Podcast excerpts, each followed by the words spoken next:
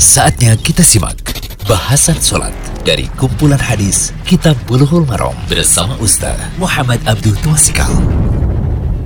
Alhamdulillah, wassalatu wassalamu ala rasulillah wa ala alihi wa sahbihi wasallam. Kali ini kita berada di audio ke-26. Masih dalam kitab Bulughul Maram, kitab sholat tentang azan. Hadis kali ini tentang azan untuk sholat yang luput dan azan untuk sholat jamak. Kita lihat hadis 186 dari Abu Qatadah dalam hadis yang panjang tentang mereka yang tidur meninggalkan sholat. Kemudian summa adzana Bilalun Fasallah Rasulullah sallallahu alaihi wasallam kama kana yasna'u kulla yaumin rawahu Muslim. Kemudian Bilal azan, maka Rasulullah sallallahu alaihi wasallam salat sebagaimana yang beliau lakukan setiap harinya. Hadis riwayat Muslim.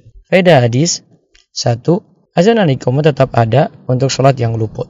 Hadis di atas membicarakan tentang Nabi Shallallahu Alaihi Wasallam dan rombongan sahabat yang tertidur dan akhirnya baru bangun ketika matahari terbit. Jadi bagi yang luput sholat masih bisa dia tetap mengumandangkan azan dan iqomah. Tapi ini ingat tidak untuk masyarakat umum karena nanti dikira sholat waktunya sudah berubah. Kemudian yang kedua, untuk sholat yang luput bisa dikumandangkan azan di tempat yang belum ada azan seperti sholat di padang pasir ingat ya.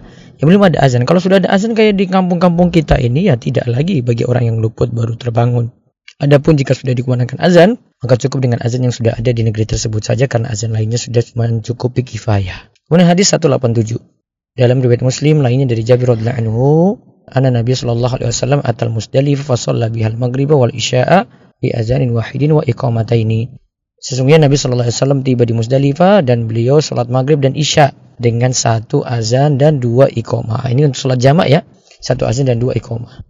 Dalam riwayat Muslim pula dari Ibnu Umar radhiyallahu anhu bahwasanya Nabi SAW jamaah bainal maghrib wal isya bi iqamatin wahidatin. Nabi SAW itu menjamak sholat maghrib dan isya dengan satu iqamah. Abu Daud menambahkan likuli sholatin untuk setiap kali sholat. Kemudian dalam riwayat lain di, tidak diperintahkan azan untuk salah satu dari dua sholat tersebut. Faedah hadis, jika ada dua sholat yang dijamak pada satu waktu, maka cukup dengan sekali azan. Azannya untuk dua sholat ini dan dua kali iqomah. Misalnya zuhur dan asar, maka azan nanti untuk zuhur dan asarnya satu kali, kemudian iqomahnya untuk zuhur, kemudian dilakukan lagi setelah sholat zuhur dilaksanakan iqomah lagi untuk asar. Nah, inilah pendapat Imam Syafi'i dan Imam Ahmad dan itulah pendapat yang lebih kuat. Semoga bermanfaat. Demikian bahasan sholat dari kumpulan hadis Kitab Bulughul Maram bersama Ustaz Muhammad Abdul Twasikal.